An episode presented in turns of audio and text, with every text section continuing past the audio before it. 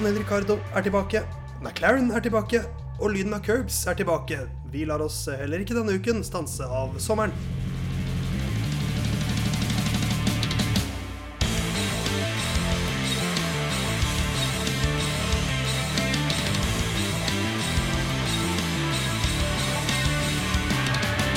Lyden av curbs lar seg verken stanse av sommervarme eller sommerregnvær eller sprengte mikrofoner eller fravær i um, At vi er langt unna hverandre, prøver jeg bare å si. Ja. Eh, egentlig så er Herman og jeg ganske nære nå, for vi er i Oslo begge to. Men nå er det du som skaper trøbbel, og da forventer du at vi legger forholdene til rette og tar digital innspilling. ja, selvfølgelig, fordi sommerferie er jo sommerferie. Jeg er fortsatt uh, på Sørlandet i uh, 19 grader eh, regn eh, hos eh, svigers. Det er den Som, serien eh, med Tom Stiansen, det. 19 grader regn.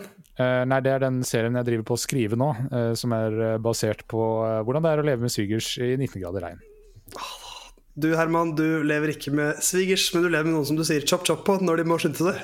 Ja, det var uh, viktig å få skusla Helene unna her nå. Uh, nå må det være ro uh, rundt meg når vi nå skal snakke om blant annet Daniel Ricardo. For nå skal det leveres, Ja, som du ville sagt. absolutt. Hvordan går det med deg for tiden da, Herman? Det går veldig greit. Jobber jo mye om dagen. Eh, hei, har jo, hei, hei. Hes har jo levert eh, VGTV-suksessen Circle K-mesteren, som er eh, reklame. Eh, men det har vært litt morsomt, så det er egentlig det som har stått på agendaen her. Kan du spoile hvem som vant sesong én? For jeg regner med at det kommer en sesong to. Det er faktisk enkeltstående episoder. Ah, Jeg har heller ikke sett det, så det ville vært litt kjipt. Theis. Vi får binge det til neste uke. Er det noen som lurer på åssen det går med meg? Åssen går det med deg, Theis? Nei, det er ikke så interessant. Jeg jobber for tiden. Eh, Jeg har blitt litt friskere siden forrige uke. Kan Eh, ikke huske at du var syk engang. Jeg. Jeg var eh, syk. Jeg har jo jeg klarte å Men du har blitt et år, eh, et år eh, dårligere, da. Ja, stemmer. Jeg har fylt år jeg, siden sist. Jeg hadde bursdag da vi, på onsdag som gikk. Det var hyggelig, det. Tour de France. Jeg hadde en fin dag. Men over til noe mye mer interessant for denne sommer... Vanlige episoden, det er ikke en spesial, det er bare en sommervanlig episode, Det er jo da preget av på en måte litt breaking news. For det er ikke så mange timer siden at det ble klart at Daniel Ricardo kommer tilbake til Formel 1 på bekostning av Nick de Vries. Den så jo selvsagt jeg, den har jeg sett komme siden 2018. Um, vi skal også innom Storbritannias Grand Prix, selvsagt, for det var et ganske gøy Grand Prix, var det ikke det? Mer om det senere. Men vi er vant, kjære venner, med at eh, Red Bull vinner nå. Uh, nå vant de vel Ja, hvor mange seire er det på har nå? De har elleve seire på rad. Um, og jeg skal det kommer an på hvilken runde det var denne sesongen. det var den ellevte seieren på rad. For vi starter da i forrige De vant jo litt på slutten av fjorårssesongen òg, si. Eh, Men Ja. dette er episode nummer 63. Det er dit jeg skal. Og jeg skal litt tilbake i, i historiebøkene, for vi er jo vant med at vi klager nå over at Red Bull vinner så jævlig mye. Eh, Men det er ikke så store Det, det har vært sånne sesonger før. Eh, Tallet er 63. Den 63. seieren til McLaren Apropos et lag som har slått tilbake, si. Det var på Silverstone i 1988, da Arten Senna vant. Eh, Det var McLaren sitt åttende løp på rad. Og den sesongen så vant altså McLaren 15 av 16 løp. Eh, Og de vant også da de 11 første løpene, før Gerhard Berger vant i, eh, på Monza for Ferrari. Så i 1988-sesongen så hadde også McLaren 11 seire på rad. Og da også den 63. seieren som lag på Og fører 63 hadde kanskje den uh, rundens forbikjøring, kanskje? Og jeg husker ikke hvem fører 63 er. George Russell. Ah, det kan godt hende. Eh, Mer om det senere. Men det er en uh, Altså, forrige Hva var det du het på forrige episode, Herman? Da kalte du deg Balle-Frans i avviklingsprogrammet vi bruker. Ja. Jeg heter Theis Magersen, du heter Jon Halvdan Halvorsen. Jon Halvdan Halvorsen. Eh, Mens nå er heter du Alfa Tauri og Hjerte. Herman Borgstrøm. Ja, stemmer. Jeg har jo sagt at uh, hvis Daniel Ricardo får et uh, lag, så skal jeg bli blodfan av det laget. Så per nå så er jo jeg da Alfa Tauri-fan, fordi det, Ricardo har fått det setet til, til elendige nytt, da. Skal vi bare Vi bare går rett på. Vi sier eh, vi, må nesten, vi må vente litt med å prate om Storbritannias Grand Prix, fordi at dette er på en måte det, det mest sesongtoneangivende som har skjedd i løpet av de siste 24 timene. Og det er at Scuderia Alfa Tauri, som den heter, ønsker Daniel Ricardo velkommen tilbake til Formel 1. Um, Nyk til Friis er ut. Uh, Frans Tost takker Nyk for hans bidrag og ønsker ham alt det beste i framtiden. Dan Ricardo, en setning han er sitert på i Alfa Tauri sin eh, offentliggjøring. I'm stoked to be back on track with the Red Bull family. Um, ingen, ikke, det, det, kom ikke som lyn fra klar himmel, Jon Halvdan. Nei, Men kanskje altså, overraskende at det kommer nå? Ja, altså hvis det er uh, et tidspunkt det kunne komme på, så er det kanskje ikke så rart at det kommer nå. Det er jo en ting det er jo Herman sier jo at han skal ha mye skryt for det, at han står i ting når han tar dårlige avgjørelser, enten det er å kjøpe is på veien så han kommer for seint til sending, eller om det er å sette seg i en bil når han skal spille inn uh, fjernstyrt podkast, så står han i den avgjørelsen. Han trekker seg ikke. Og her syns jeg Helmut Marco uh, og co. har tatt en dårlig avgjørelse. Syns det er bitte litt svakt at ikke de står inn lenger. Samtidig så er det her skjedd bare timer etter uh, en uh, test av Pirelli sine nye uh, hva er det heter, teppeløs dekk, altså uten de her tire blanketsa, hvor Daniel Ricardo kjørte RB19, og Christian Horner ble vel sitert på at han hadde svært kompetitive tider. Og da er det kanskje ikke så rart at det er nå, etter en lang serie med eh, middelmådige eh, prestasjoner fra Nykter Friis, og noen katastrofale løp, da spesielt Canada og Østerrike, så er det kanskje ikke så rart at det kommer nå. Nei, og det er jo de tidene For det, det, dagen i dag begynte jo med mange sånne lekkasjer, og det begynte å gå en del rykter osv. Og, og så bekrefta jo Alfa Tauri ganske kjapt at det stemmer. Daniel Ricardo får sete til Nykter Friis.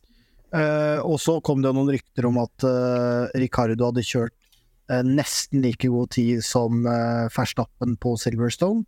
Og det så jeg at Will Buxton, tror jeg det var, hadde nå bekrefta at den tida stemmer. Men det er selvfølgelig helt andre dekk og andre kjøreforhold, og ikke direkte sammenlignbart. Men det er klart at det har sikkert påvirka det her noe, ser jeg for meg. sånn at de, de, ryktene som har vært ute nå i dag, de ser i hvert fall ut til å stemme alle sammen, da. Men, eh, men det jeg mener med timinga er Eller timing er litt snodig, for nå har vi en liten ukes pause. Så er det Ungarn Grand Prix, og så er det en double header til Belgias Grand Prix, og så kommer sommerpausen. Da er det nesten en måned uten uh, løp. Det hadde jo på en måte føltes mest naturlig sånn praktisk sett, også litt sånn overfor nykterfri, så i hvert fall tenke at da får han i hvert fall fram til sommerferien, og så kan vi se på det da. Mens nå skjer det. Jeg skal ikke si at, si at det virker som det er litt sånn tilfeldig timing, men, eh, men, jeg er litt overrasket over at det skjedde nå. For var, jeg føler ikke det er sånn én enkelthendelse som har gjort at Nyk er uh, sett, Jeg syns ikke han har sett mer håpløs ut enn for en måned siden. Nei, men det, det er jo kanskje Det er kanskje grunnen, da. At det ikke har vært spor til forbedring. Ja, og så kanskje et symptom på at uh, Helmut Marko er ikke like enerådende i Red Bull lenger. Altså Det er et maktskifte på vei inn i hele uh, Red Bull Racing uh, som også kommer til å påvirke Alfa Tauri. Der skal jo Frans Tost ut.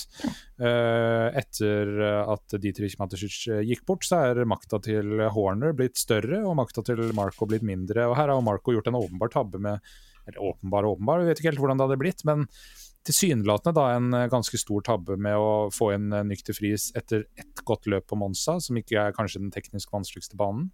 Og så kan man jo si at uh, det hadde kanskje passa bedre med pause osv., men for Ricardo sin del, da, gjør han to gode løp nå uh, før uh, spa? eller før sommerpausen. det inkluderer vel spa, er vel kanskje før. Uh, så vil det gi han en godfølelse gjennom de fire ukene når han skal med PT-en sin til eh, USA og California og spille basket og sånn. Og da har han jo liksom en mye bedre følelse da når han kommer tilbake igjen ja. til uh, løpet etter ferien. Finne, finne, ulike høyder han kan hoppe ut i vannet fra. Ja. Jeg syns jo det er ekstremt brutalt at det gjøres nå før uh, sommerpausen. Uh, og jeg Det er klart det er en tabloid vinkel på det, men jeg tror det faktisk er uh, litt uh, contention om det setet til, til godeste Peres òg. Eh, at de gjør det nå, så får de sammenligna Sunoda opp mot Ricardo. Um, og at det er sånn Hvis det er tre katastrofale løp fra Peres, så har de kjøpt seg litt manøvreringsrom, istedenfor å faktisk vente da på nykter fris fram til sommerpausen. Så tror jeg nok mest sannsynlig at uh, Cheko kjører ut det året her ser Kjøre ut fra banen, liksom, i hvert eneste løp. Nei, fortsette kontrakten ut Ja, sånn sett, ja. Sånn Ja, sett, ja. ja, og, at han, og at det setet til Cheko blir da den som gjør det best av Ricardo eh, og Sunoda sitt. Men hvis han er katastrofal de neste tre løpshelgene, så er det ikke utenkelig at det blir en endring der etter sommerpausen. Nei, og det er jo det er åpenbart eh, kun én grunn til eh, Selv om nyheten i dag var at Christian Horner sa at nei, nei, vi har ikke sett for oss noe Red Bull-framtid eh, for Daniel Ricardo. Daniel Ricardo godtar kun å kjøre for Alfa Tauri fordi her er det potensielt et Red Bull-sete i andre enden av denne tunnelen. Du ser jo hva han sier i den ene setningen jeg leste. Det er fint å være tilbake i Red Bull-familien. Ja. Det er liksom ikke Alfa Tauri han snakker mest om. Men, eh, men selv om eh, det er litt sånn endringer i maktstrukturene i Red Bull, så føler jeg dette på en måte beviser at Red Bull fortsatt er Red Bull. Eh, Det, det føles jo også litt som sånn han, han kjører raskt i den testen der, da er det han som gjelder. Litt sånn som De Frys var. Han kjører raskt på Monza, da gir vi han en sjanse. Det, det, jeg skal ikke, altså de er jo åpenbart Red Bull er veldig god på å gi Formel 1-førers sjanse. Det ser du i årets, eller bare i feltet nå, hvor mange som har vært innom Red Bull.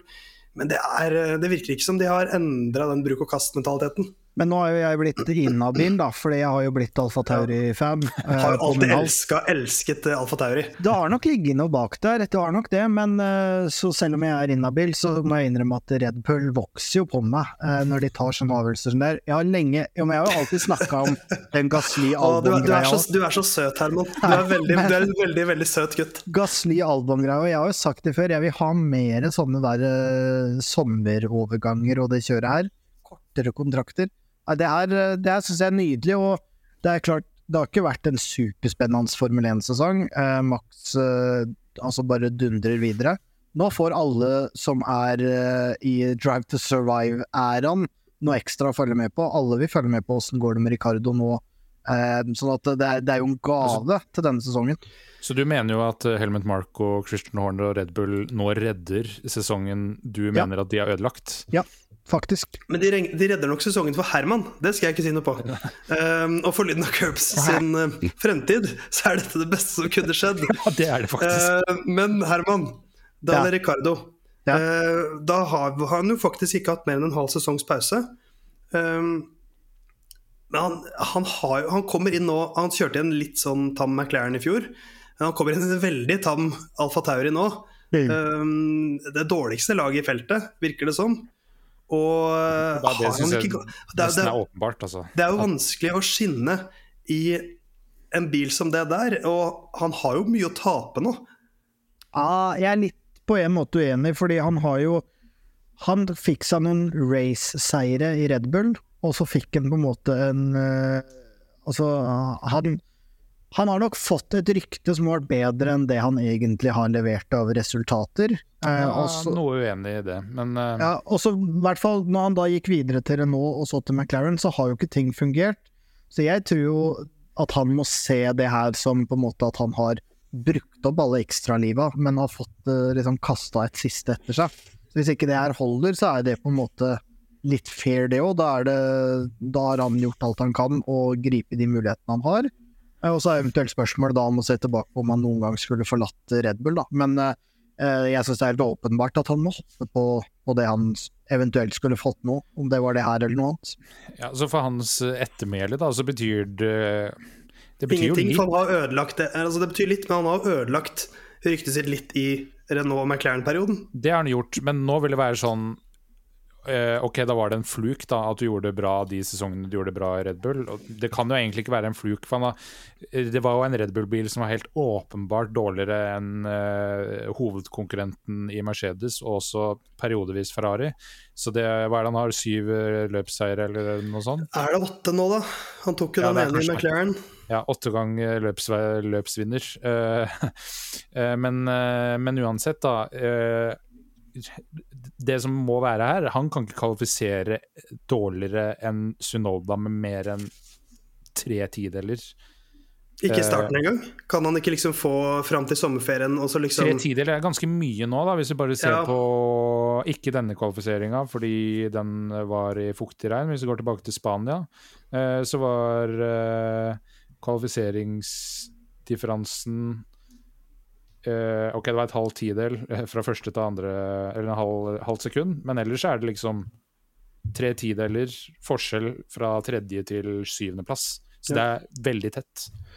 Hva skal til nå da, Herman? For, at, eh, for jeg er helt enig i teorien din, og dette er en slags eh, At dette ikke er godt nytt for Checo Perez heller. Mm. hvor godt må eh, Ricardo eller Sunoda levere for å Og hvor dårlig må på en måte Perez gjøre det? Hva, hva skal til for å vippe Tsjekko ut av det setet, og for å vippe en av de andre inn? Jeg tror eh, sånn det ser ut nå, så tror jeg eh, hvis den Altså sesongen skal bli ekstremt mye bedre for Perez for at ikke han mister det setet eh, til neste sesong. Jeg kan ikke se for meg noe annet enn at han må levere noe. Jeg tror egentlig at på en måte håpet er litt ute òg, for det har sett så utrolig dårlig ut. Så spørsmålet er jo egentlig da om det blir Ricardo eller om det blir Sunoda. Og det tror jeg blir avgjort i løpet av uh, det man ser hele sesongen som gjenstår. Det Eh, er ikke utenkelig at det er tredjenavn her heller. Hva da? Alexander Albon.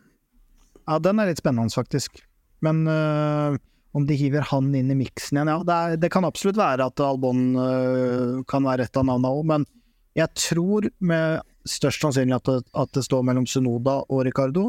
Og jeg tror hvis Peres er helt elendig de neste tre løpshelgene, så tror jeg det faktisk skjer i sommerpausa. For hvis ikke så er det ingen logisk grunn til at ikke eh, de skulle venta med den endringa her nå. Nå har de litt ekstra pressmiddel på Cheko.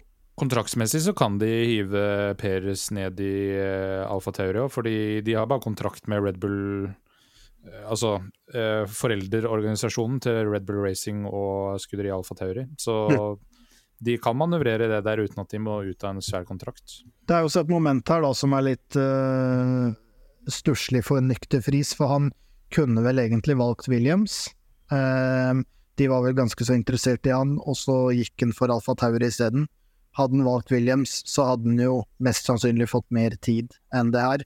Men jeg så det var noen som tvitra, og jeg lurer på om det var godeste Will Buxton igjen, at uh, han valgte Alfa Tauri for sjansen var da selvfølgelig større for å nå et topplag, for da kunne han nå Red Bull. Det kunne han ikke gjennom Williams, så at han satsa stort og tapte, da, på en måte.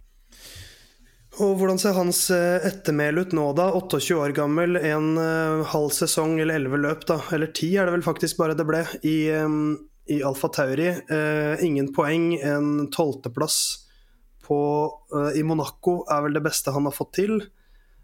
Jeg, det, det, tror jeg var det. Ja, du kan vel kanskje best beskrive det ettermælet, for det altså, det, er jo klart å, det er jo klart å, Det er en god følelse for meg å kunne si hva var det jeg sa. Uh, men, uh, men, jeg syns jo samtidig synd på fyren. da Jeg er jo en empatisk uh, person, liker jeg å si i hvert fall. Um, men jeg, jeg, kan respektere at han, gikk, at han tenkte 'go big or go home', som kanskje er riktig når du er 28 år gammel og liksom du får sjansen i Formel 1. At Henrik Johannes Nikasius de Friis da tapte, det kan jeg respektere. Jeg syns det kan virke som en kjip fyr, men han bare var ikke god nok. Enig. Nei, eh, og de sier jo at eh, vel å merke han jo er det to titler fra Formel E, og eh, han har jo vunnet Formel 2 også, men at de som har sett Formel E mer religiøst enn meg, eh, sier at dette kunne vi sagt at kom til å skje. Eh, fordi de mener at De Vries ikke har holdt nivå. Det kan godt hende at det stemmer. Man ser jo ting her sånn så ender han jo bare et par sekunder bak Sunoda, vel å merke etter safety car da, osv. Og, uh, og det er en re utrolig ræva bil, den Alfa Taurien. Men samtidig så ser de jo ting i simulator osv., så, videre, så det er sikkert et bedre begrunna valg å ta den bort enn det det var å få den inn. Så får vi se. Neste uke så blir jo da testen uh, virkelig der for Daniel Ricardo. Da vet vi hvem Herman skal følge litt ekstra med på. Uh, i Ungarn. Så får vi se om Sunoda er klar for å ta kampen. Så får vi flytte oss videre til å prate om det vi egentlig pleier å begynne med, nemlig det forrige Formel 1-løpet.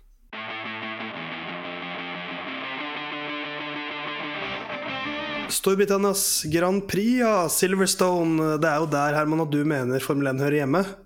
Ja, der og Miami. der og Miami, selvsagt. Um, en ganske så kul løpshelg, spør du meg. I kvalifisering så var det jaggu mer dynamikk enn det jeg trodde det skulle bli. Landon Norris raskest i Q1. Eh, Max Verstappen raskest i Q2 og Q3, det er ikke så viktig. Men eh, han fikk pole position igjen. Men bak han følger jaggu to McLaren-biler. Norris foran Piastri under et tidel, vel, eller ca. et tidel, som skilte de eh, to. Så to Ferrarier og to Mercedeser. Så Alexander Albon foran Fernando Alonso og Pierre Gasly. Imponerende av um, Albon, men uh, først og fremst veldig gøy å se McLaren i så bra kvaliktempo. Så var spørsmålet holder dette seg i løpet, da? Og jaggu gjorde det det. En veldig kul start. Landon Norris starter mye bedre enn Max Verstappen.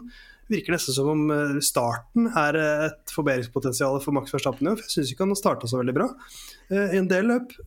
Lando leder noen runder, og så fiser Max Verstappen forbi. Så kommer det også en sikkerhetsbil etter hvert som gjør at Louis Hamilton egentlig tjener mest på det. Og så klarer McLaren å sette Lando Norris på harde dekk. Men likevel så klarer McLaren-bilen å få varme i dekka ganske raskt. Det er jo en av styrkene til den bilen. Og så holder det helt inn. Så jaggu blir det Max Verstappen foran Lando Norris og Louis Hamilton. To briter på podiet i Storbritannia, Oscar Piastri burde egentlig blitt nummer tre, med en litt eh, mindre dårlig timet sikkerhetsbil. Eh, og så følger George Russell, Perez Alonso, Albon, Leclerc og Sainz. Og bare for å nevne det, Checo Perez ryker selvfølgelig ut i Q1. Eh, men Johnny Boy, som jeg kaller deg, hvor ble løpet avgjort? Uh, runde fire, idet Max Verstappen kjører forbi Lando Norris, uh, så er uh, løpet på mange måter avgjort. I hvert fall seieren. Andreplass er på ingen måte avgjort. Og det er jo nesten litt sånn man må se Formel 1 denne sesongen her. For spenninga er hvem tar andreplass. Og her var det jo virkelig mye nerve i løpet. Det er jo våt kvalifisering, og da er jo igjen Sergio Perez ute av bildet. Da er det han like mange QT, Q, Q tre eh, performances som Alexander Albon denne sesongen, som er eh, ganske skuffende. Oppriktig latter. Jeg syns det er overraskende gøy. Um, men da jeg la ut en post på Instagram tidligere i dag hvor jeg spurte hva bør vi snakke om, og da var det bl.a. Ragnhild som ville at vi skulle snakke litt om Silly Season. Og så selvsagt, etter at um, nyheten om Ricardo kom ut, så er jo dette en del av Silly Season også, som også Øystein ville vi skulle snakke om, nemlig Ricardo. Men både Maud og Magnus Tune ba oss snakke litt om McLaren og Lando Norris, eh, så vi må jo begynne der, tenker jeg. Eh, for det er jo den store headlineren her. Eh, vi så oppgraderingene på Lando Norris sin bil i forrige runden i Østerrike, og der så de plutselig veldig kompetitive ut. Lando Norris ble nummer fire, nå er han nummer to. Mm. og Oscar Piastri, som jo du Herman, mener er den mest talentfulle føreren i feltet, han kjører jo så bra hele helgen også, med ganske mye press. Mm og for meg som er Zac Brown-fan, så var dette selvsagt en storhelg. Men uh, veldig gøy å se et nytt lag melde seg på der oppe og være så kompetitive. Ja, uh, veldig imponerende av uh, Lando. Det, han vet jo på en måte er god, så tar det nesten litt for gitt. og så vil jeg faktisk på en måte si at jeg er mye mer imponert over Piastri, når vi hadde den her talentrangeringa, eller hvor gode på en måte ja. råtalentet var. Dette er så det. overraskende for deg, for den ja. så ikke du komme fra en Nei. så dårlig fører. Nei, så den neste dere... du fris, kaller jo du han. Ja, dere hadde Piastri ekstremt høyt oppe, uh, som på en måte blei på litt sånn usette faktorer, syns jeg. Men det han leverte ja, vi, vi har jo åpenbart sett det. Ah, men det han leverte nå i helga, det var ekstremt imponerende. Uh, en mye mer imponerende løpshelg enn uh, Lando Norris, syns jeg. Selv om uh, løpsutviklinga blir som den blir, og han selvfølgelig ikke han på podiet. Men uh, jeg er mye mer imponert over det, og de stega McLaren har tatt er jo kult. Det viser jo egentlig at eh, for å igjen være litt tabloid, eh, med noen riktige utviklinger, så kan plutselig Ferrari og Mercedes være oppe ved, ved Red Bull hvis de tar sånne McLaren-skritt som, eh, som, de har gjort nå. Men det er klart, det er ikke superrealistisk. Men imponerende å klare å ta så enorme steg på såpass kort tid, da. Og nå har vi sett uh, ganske tydelig forbedring her Jonathan, etter, uh, etter, to løp da hvor vi har sett disse nye oppgraderingene deres. Uh, åpenbart at de liksom lave temperaturene i Storbritannia passa dem ganske godt. Men hadde det bare vært Storbritannia vi hadde hatt som liksom, bevismateriale her, så hadde jeg kanskje hatt litt is i magen. Men de virket jo kompetitive i Østerrike med den oppgraderte bilen. Her har vi to biler i Storbritannia som er oppgraderte, og begge to virker kompetitive. Skal ikke konkludere helt enda, men det virker jo som om den forbedringen er ikke bare sånn banespesifikk, men ganske generell. Ja, det er jo noen ting som passer de bedre. Altså det er de, som du sier, de lave temperaturene som gjør at de eh, er mindre utsatt for eh, høy dekkslitasje, som eh, har vært eh, tilfellet tidligere. Eh, og så sier vel Lennon Norris at de har bare løst 30% av de underliggende problemene med bilen. Så det er jo fortsatt potensial å hente ut igjen her. Uh, men det betyr ikke at det er et potensial som er mulig å forløse heller. Det så vi jo med Mercedes-konseptet. At uh, dette er et uh, konsept som åpenbart skal fungere bra i simuleringene, men som ikke oversettes til veien. men det ble jo da begge oppgraderte biler til denne runda, med da en forbedra, eller forandra frontvinge, i alle fall på Norris sin bil, til denne helga, som skal eh, samle enda mer hele konseptjusteringa, da. Uh, og som åpenbart uh, fungerer bra. Uh, og her ser man litt Hva skal jeg si Forskjellene på Aston Martin til sammenligning. Vi spådde jo ikke de en veldig bra helg. dere spesielt calla jo McLaren god helg, og det fikk de. Så Eh, det er jo en forbedring som har fungert. Så vil du se på Ungarn, da, som er en eh, sånn litt tøysaktig kalles Monaco uten vegger. Eh, jeg syns ofte ikke det er tilfellet, for det er litt mer action enn Monaco pleier å gi. Men hvordan de fungerer der, det vil jo bli liksom den neste store testen. da. Og nå er det 42 poeng på to løp, og da har de plutselig hoppet forbi alpin. I konstruktørmesterskapet er oppe på femteplassen der, med tolv poengs luke ned til alpin. Så på to helger så har de hoppet opp fra åttende-niendeplass-sjiktet liksom, til å være best i midtfeltet, da, om vi skal kalle det det, bak Ferrari, Aston Martin, Mercedes og Red Bull. Um, og men det, og det er jo på en måte det som Når du nevner alpin, da, det det er jo eh, Ferrari er jo på en måte én ting, de eh, er jo en jojo fram og tilbake. Eh, Mercedes er liksom gradvis forbedret. McLaren har tatt et stort hopp nå. Alpi, uh, Aston Martin har tatt et stort hopp nå. Men de er det laget som har hatt uttalt store ambisjoner i flest år, er på stedet hvil. De vil bli forbigått av alle. Uh, og til denne helga må være sinnssykt misfornøyd. Ja, det har sett uh, sørgelig ut, og den som i hvert fall bør være fornøyd etter den helgen, her er jo Oscar Piastri. Eller mm. Piastro, som jeg kaller han. For uh, det så kanskje litt dumt ut at han var så opptatt av å ende opp i McLaren uh, ganske lenge i år. Men nå kan jo han på en måte le sist og, og si ha-ha, jeg endte opp i, i, riktig lag likevel. Kanskje. Ja, jeg blir jo frarøva tredjeplassen pga. safety car. Og om Louis Hamilton trengte en 15. pallplassering i Storbritannia på bekostning av Piastris første eh, Vanskelig å si, men eh, når du da har to alpinbiler som bryter i samme løpet, så er jo det på en måte et godt bevis på at dette ser i hvert fall bedre ut nå enn det det så ut i starten av sesongen, for da så valget mer latterlig ut. Så um, tommel opp til eh, Oscar Piastro. Uh, og så må jeg bare nevne at altså, vi er Red Bull de, de, de frastjeler oss en kjempespennende sesong. For hvis vi ser, hvis vi hadde fjerna Red Bull, så hadde vi de fire siste løpene da hatt Mercedes-seier i Spania, vi hadde hatt Aston Martin-seier i Canada, Ferrari-seier i Østerrike og McLaren-seier i Storbritannia. Vi kan bare ta bort Max, så er det for. Ja, ja, egentlig fjern Max Verstappen. Men for en sesong dette hadde vært uten Max Verstappen. Det er jo så mye dynamikk bak, eh, bak uh, Max Verstappen. Ja. Uh, og så har vi snakket lenge om at det er det verdt, men nå har liksom McLaren også meldt seg på i den dynamikken der. Så uh, jeg merker jo hvordan jeg ser løpene nå. Det er sånn Max stikker av, og så er det sånn Oi, OK, hva skjer nå? Da, og da har jeg aldri noe godt svar. Nei, jeg er enig i det. Og det er jo når man på en måte snakker om Max Verstappen i en egen klasse her, så skal man jo heller ikke som, som en ny, på en måte, ny, ny, venn av familien i Red Bull her, så skal man heller ikke glemme at uh, Perez er jo en ekstremt rutinert Formel 1-fører, uh, som har på en måte levert bra tidligere. Sitter i den klart beste bilen, uh, men på en måte er Altså leverer ikke bedre enn det han gjør, da. Og Max Verstappen leverer, ser ut som han er helt utenomjordisk, så man kan jo på en måte også lurer litt på hvor mye bedre den bilen er enn f.eks. Mercedes, eh, Ferrari, Aston Martin og sånne ting, og hvor mye er faktisk bare Max Verstappen sitt ja. nivå, da. Fordi sammenligningsgrunnlaget ligger sikkert eh, Altså, nå ser det ut som Cheko underpresterer, for all del, men ligger nok et sted liksom i hvert fall litt midt imellom. Eh, mm. sånn at det, sikkert den beste bilen, men uh, kanskje ikke så overlegen som det de resultatene Nei. tilsier nå. Dette var jo en elendig helg for Max. Han vant jo ikke køen engang, og han leda ikke hele løpet.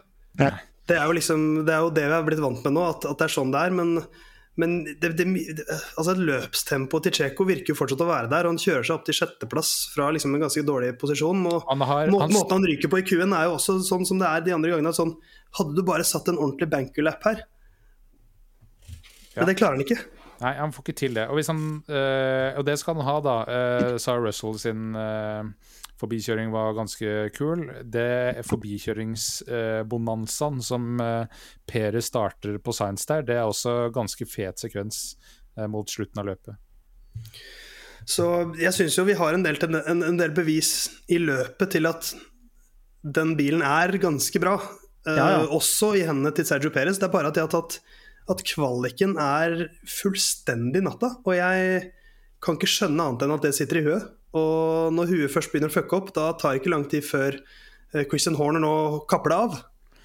Men, men dette er jo bare for å være litt formildende, da. eh, og det er jo at du mangler eh, en ferdighet, om det er formildende i seg sjøl. Men nå har det vært eh, en del av de eh, Altså, Østerrike, hans egen feil, ingen unnskyldning, bla, bla, bla.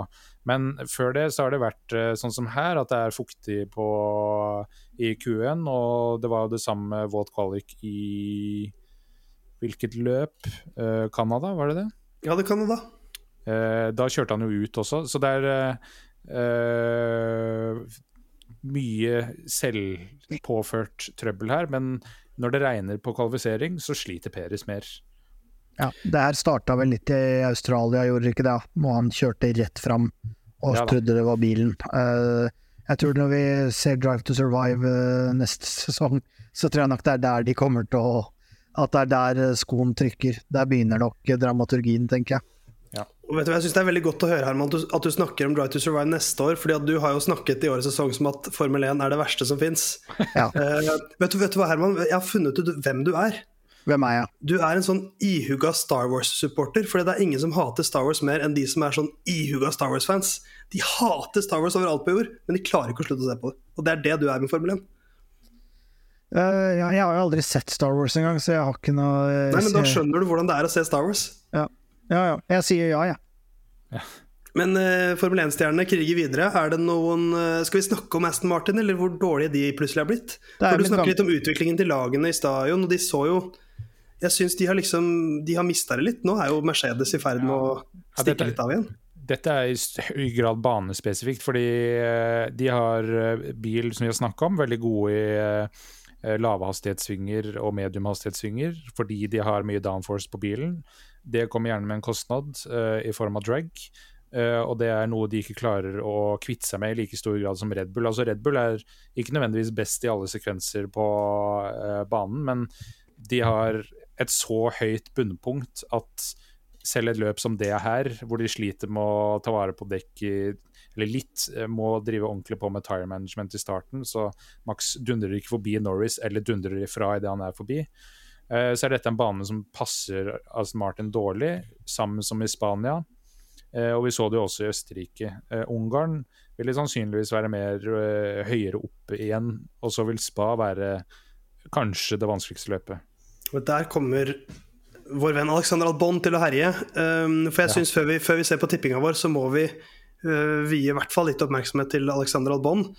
Um, et eksempel på hvordan man kan bygge opp et rykte igjen da, etter uh, å ha vært i Red Bull. For det, det er sånn som jeg glemmer titt og ofte nå, hvor, hvordan det liksom rakna litt i Red Bull. Og nå er jeg bare sånn herregud, så god han er til å kjøre bil. Ja, det han får ut av den uh, Williamsen er jo faktisk eh, ganske sprøtt. Det er ikke Jeg syns ikke George Russell eh, Ikke nødvendigvis helt sammenlignbar bil, for all del, men jeg syns ikke liksom de resultatene til George Russell var ekstremt mye bedre enn det vi ser av uh, Alexander Albon nå. Ja, Albon fortjener like mye merkelappen Mr. Saturday som eh, det George Russell hadde. Ja, og hvis man husker den på en måte Hva skal jeg si, auraen George Russell hadde, hvor det bare var spørsmål om tid før han skulle ha disse rette til Bottas, så kan man jo leke litt med tanken om hvor Albon skal ende opp. Uh, Jon Halvdan var jo innom Red Bull tilbake der, det er jo ikke helt utenkelig. Ja, nå, og nå, har han- når han dratt eh, Williams opp til syvendeplassen, så er det alltid et spørsmål var, var Williams kanskje den dårligste bilen da Russell var der. Vanskeligere å få de poengene, eh, den, den løpskvalifiseringen eller kvalifisering om til poeng. Men Kanskje Williams er litt mer kompetitive nå, men jeg syns ikke liksom at relativt sett fortsatt. Albon sin prestasjon virker like imponerende for meg. Han har dratt dem opp på syvendeplass, liksom.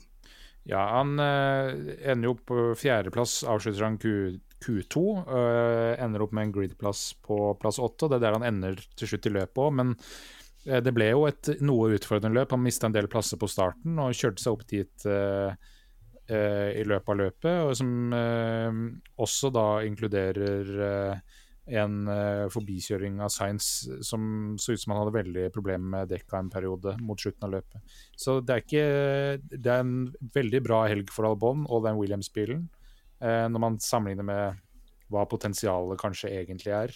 Logan Sergeant ender opp på en ellevteplass. Um, så at Albon det, det, er jo mange ting som kan skje da i altså Hamilton skal ikke kjøre i eh, Mercedes for alltid, og det skal ikke Alonso gjøre i Aston Martin heller. Så ja, det, vil, det er jeg ikke så sikker på, i hvert fall, faktisk. Nei, kanskje ikke det. Nei. Men det vil bli flyttinger, og hvis Landon Norris f.eks. ender opp i Mercedes, så er det ikke utenkelig at en Albon som har gjort det bra i Williams, kan ende opp i McLaren. Så det er, liksom, det er mange, mange muligheter her. Jeg har forresten et spørsmål til dere når det gjelder okay. løpet som var. Hvor sikker var dere på at McLaren hadde fucka opp når de satt eh, Piastri og Norris på hard, og alle andre var på soft? Eh, jeg, jeg, tenkte at dette blir eh, jobbigt, men så så vi jo Jeg, jeg tenkte at oi, det det skal innrømmes at jeg så det her i opptak, så jeg visste at Norris ble nummer to. Okay. For jeg hadde fått spoila det. Så da tenkte jeg Da ble jeg på en måte bare enda mer sånn oi sann. Så han klarer å bli nummer to her, selv om han er på harde dekk. Så jeg visste, jeg fikk på en måte spoila twisten i The Usual Suspects, men det er fortsatt gøy å se hvordan man kommer til den, det, det, punktet. Ja, altså Da Leclerc satte på harde dekk, så så ikke det ut som et veldig godt løpsdekk. Men det er det sjelden at det gjør med Ferrari. Så det er ikke gitt at deres dårlige avgjørelser er dårlige avgjørelser for andre. Litt skeptisk til når det var så tett opp til safety car osv. Eh, men jeg var også rimelig sikker på holder den unna i starten, så går det bra. Mm. Ja, jeg var, jeg var, helt overbevist om at de kasta det bort, og at ikke de ville ha sjans. Uh, men det er klart, de sitter jo på data vi aldri kan uh, få has på, da. Så det, det, det ble jo sagt på radioene at uh, it's not a, an amazing race tire, but it's the best option we got. Mm. Man kan jo da spekulere litt i hvordan det hadde sett ut på soft. da. De måtte jo brukt opp etter tre-fire runder omtrent, siden ikke de satte på det. Så det, de må mm. vel ha hatt noen tall på det. Ja. Men denne var god, og da er allting eh, godt. Jeg foreslår at vi kikker videre litt på vår tipping. Ja.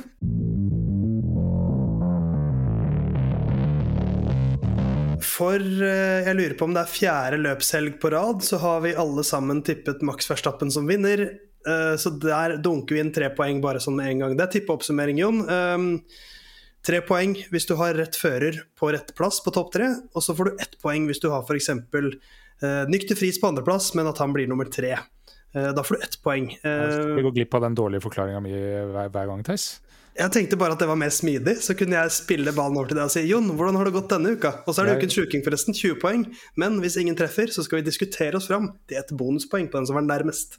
Ja, eh, og det er jo nesten sånn at vi burde gjøre det her til eh, uken Eller altså tippekonkurransen er P2, P3 og P4. Det hadde vært litt mer spennende. Eh, Max Verstappen vinner jo nok en gang, og alle tre hadde tippa ham på førsteplass.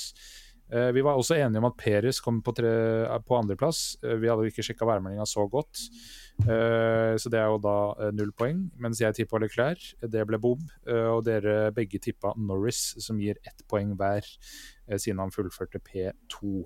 Så er vi da ukens sjuking. Eh, jeg tippa at vi har seks forskjellige ledere i løpet av løpet, eh, og da er vi vel en tredjedel innafor der.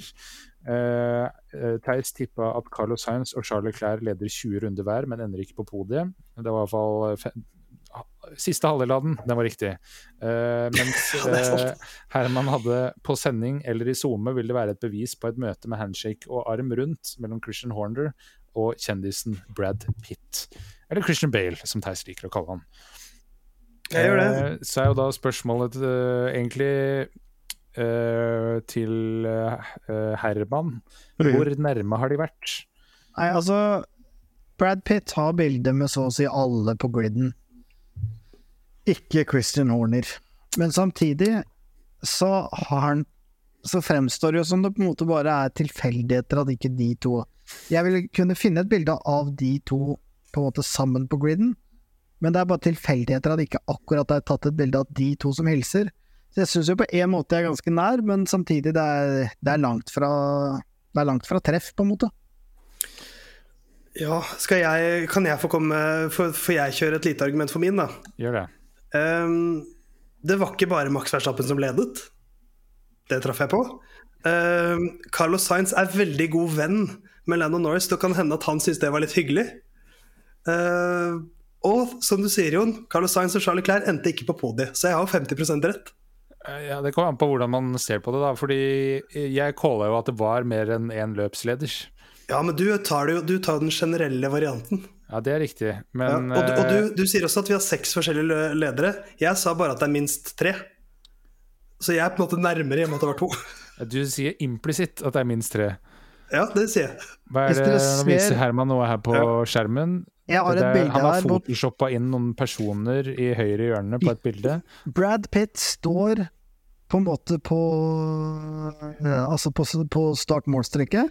På Og høyre helt side foran- av Helt foran eh, her er Red Bull. Herman viser her- oss et bilde. Det er en god podkast. De Men er Herman samme bilde. Han viser et bilde der de står bakerst ved Louis Hamilton sin Mercedes, er Ja. vel det? Som starta P12 eller noe men, sånt. men, men Herman, jeg har et spørsmål til deg. Men, Visste, for Grunnen til at Brad Pitt var så involvert på Silverstone, var jo at han driver og spiller inn en Formel 1-film nå, hvor han er en Formel 1-fører. eh, og de spilte inn litt senere til den underveis. nei. Visste du at det skulle skje på Silverstone? Ja ja, 100 Ikke sant? For der syns jeg du skal ha kreditt for. Det Ukens sjuking egentlig handler om, er å lure folk. Det er egentlig et bløffespill hvor, du skal prøve, hvor, man, hvor det egentlig handler om å komme unna med en som er ganske sannsynlig, men som de andre ikke vet om. Og her syns jeg, uavhengig om det, så er Herman nærmest. Fordi at Brad Pitt var faen meg overalt på Silverstone den helgen her. Okay. Ja, for For meg, hadde ikke meg, fått jeg, jeg, jeg dere hadde bestemt meg før den debatten her. Herman er soleklart nærmest. For dere hadde ikke fått med dere at han skulle være så tett på, liksom? Jeg hadde egentlig det, men jeg hadde glemt det. Ok. For, men det er sånn nyhet som jeg leste for lenge siden. Ja. Og som jeg ikke kobla til at var den helgen her. ja, for jeg var litt sånn Åh, kommer han til å gå gjennom eller ikke? Dere pleier å være så strenge, og så videre. Men så den gikk ganske greit gjennom. Så der, For hadde jeg, for jeg, for jeg huska at, at han skulle litt, så hadde jeg aldri godkjent det. Aldri Nei, nei. i verden. Så du slapp unna med det, og det hyller jeg. det er jo faktisk bare tilfeldigheter at ikke det bildet er Ja, ja. der. Det var, det var overbærende sannsynlig, på en måte. Så egentlig er jeg sånn åh, jeg er sånn letta over at du ikke fikk 20 poeng. For det er egentlig det du burde fått, fått for du klarte å lure meg. Ja, jeg er litt Ja, enig burde, eh, bilen ser for øvrig ut som eh, at den er basert på eh, Rich Energy-varianten av Has sin livery, Ikke sant? med sort og gull. For den Brad Pitt-filmen blir jo gøy å se etter hvert. Er det en Formel 2-bil de liksom har basert den på? Sånn egentlig chassis? Uh, jeg tror eh, det er ett Formel 2-lag, og Mercedes har vært involvert, og Hamilton er produsent. Én av de, da, ikke Ikke sant? Typisk sånn fagkonsulent. Ja, men da gir du eh, selvfølgelig det som Kip Thorne i Interstellar, favorittfilmen til Herman Borgstrøm. Eh, da gir eh, du, eh, Theis, et bonuspoeng til Herman. Først og fremst fordi han lurte meg. Ja, som da gir eh, For jeg gir ikke poeng til folk som lurer meg. Eh, men da er det stilling som så her. Gjestene 16 poeng. Eh, Herman har 38 poeng, Theis 41, eh, og jeg har 48. Det er ikke så mye om å gjøre. Nei. Flere luringer, så er du forbi Herman. Der hørte jeg ikke Bra, unnfallenhet, men vi går videre i sendingen.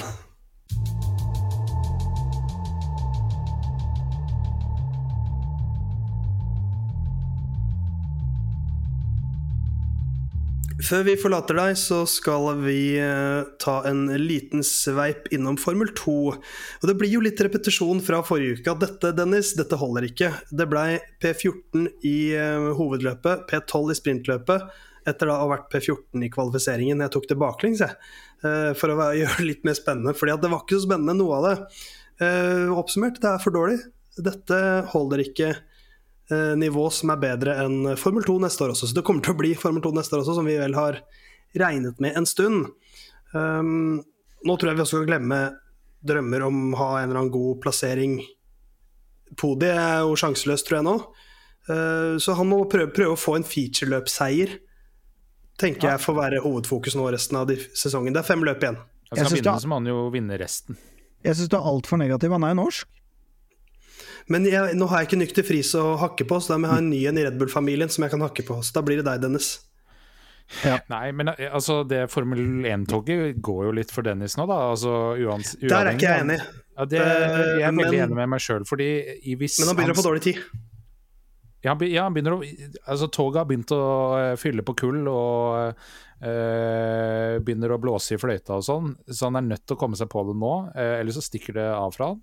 Og det betyr gode prestasjoner ut sesongen. Det trenger ikke være seire, men det kan ikke være flere briller eh, i løpet av eh, eh, en løpshelg. For nå, nå er det lenge siden han hadde Altså, Baku var sist han så ordentlig bra ut. Uh, helt til han ikke gjorde det. Og da så han bra ut i kvalik og i sprintløpet.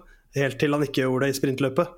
Uh, så de siste tre løpene er 11.-plass, 12.-plass og 14.-plass. Så det er en negativ trend også. Så Ja, det er jo heller ikke noe sånn superpositivt tegn for Red Bull-juniorene at de setter Daniel Ricardo i talentteamet Alfa Tauri, på en måte. Eh, der kunne de både satt eh, Liam Lawson og Ivasa. Eh, Hauger hadde ikke vært naturlig å tenke på i den grad, men altså du skal prestere vesentlig bedre enn Ivasa i F2 for å få det setet, da, for å si det sånn. I hvert fall eh, akkurat eh, øyeblikksbildet som det er nå. Så det, det er jo ikke noe superpositivt tegn. Altså, han, han skal levere ekstremt mye bedre enn det han gjør nå, da, eh, for å kunne få det setet. Og jeg gadd faktisk ikke se verken sprint eller featureløpet av F2 i helga, jeg så kvalik. Eh, og den gikk jo som den pleier å gå, den. Helt uh, forferdelig, rett og slett. Så det, det er uh, Ja, jeg, da, da gadd jeg ikke se det andre. Når han kom på var det 13 eller 14 eller noe. 12. 14.-plass, som jeg nevnte for ca. to minutter siden. 12. Eh, men da er, det, da er det fem løp igjen. Ungarn, Belgia, Nederland, Italia og så UAE Abu Dhabi da, til slutt. Så eh, nå har han falt ned til tiendeplass. Nå er han litt der han var i fjor, litt sånn middelhavsfarer. Eh, bedre lykke neste gang, eh, Dennis. Før vi gir oss, skal jeg ta et spørsmål fra en ivrig lytter. Eh, han heter Jon Halvorsen på Instagram og har skrevet 'Herman bør navngi så mange av svingene som mulig'. Har du lyst til å utdype, Jon Halvorsen? Eh, Ja, det kan jeg gjøre. Fordi eh, jeg hadde jo glemt å notere ned eh, hva siste svingen i kompleks eh, Maggots and Beckets heter. Da kom Herman med en hjelpende hånd og kalte den Kops, hvor han etterpå sa tenk at jeg overgikk en Halvdan på faglig kunnskap. Noe jeg parafraserer, men noe der omkring. Den svingen heter da Chapel, ikke Kops. Men Kops er en annen, bane, annen sving på banen i banen Silverstone. Eh, Så bare rett opp i det. Eh, Også litt eh, andre ting kan rette opp. Jill Bianchi var det navnet på føreren som gikk bort sist i Formel 1 i 2014. Som vi ikke nevnte sist i praten om ulykken på Spa. Jeg, jeg syns jo da, for å forsvare meg, at uh, det også er litt komisk at uh, Jon Halvdan var helt enig i at der overgikk han uh, forrige episode. Der, der fikk jeg satt den på plass. Han, han strakk bare hendene i været og var enig i det. Så det, han måtte trang en uke på å tenke over den her. Og han Nei, Jeg måtte høre, høre, på høre gjennom episoden, og uh, det er jo som da du fikk meg til å si åtte ganger verdensmester. Uh, fra nå av skal jeg bare ikke høre på ting du sier. Og så tror jeg ikke vi skal be Herman om å si så mange svinger som mulig, for da sier han bare sving én, sving to, sving tre osv. Og, så videre, og det kan man jo ikke arrestere han på. Men Herman kjører jo den klassiske 'er du usikker, vær skråsikker'. Mens Johan Halvdan tenker 'er du usikker, vær usikker'. Eh, Men jeg er ikke usikker på at vi er tilbake neste uke. Da blir det en ny Lyden av Curbs-episode. Da skal vi se fram mot Ungarns Grand Prix. Fokusere litt mer på duellen Sunoda-Ricardo, som det jo nå blir. Herman Borgstrøm skal kjøpe seg en ny Alfa Tauri-caps. Vi får se om han rekker å skape svetterand på den innen neste uke. Hvor lang tid Herman vil anslå at du bruker på å skape en svetterand på en caps? Nei, altså beviselig så er det bare to til tre dager i sånn ca. 40 grader. Du kan Eh, ta med burde ta med padelhallen, uh, for der er det stort potensial for setterandcaps. Det er helt riktig. Så svett i vei. Lyden av Curbs takker deg. Følg oss på Instagram og TikTok. Der heter vi Lyden av Curbs. Eh, Jon Halvdan, hva er dine siste ord? Eh, ha det bra. Hva er dine siste ord, Herman? Takk til deg, Herman. Og så sier jeg også nykter fris. Jeg beklager at jeg var så streng mot deg.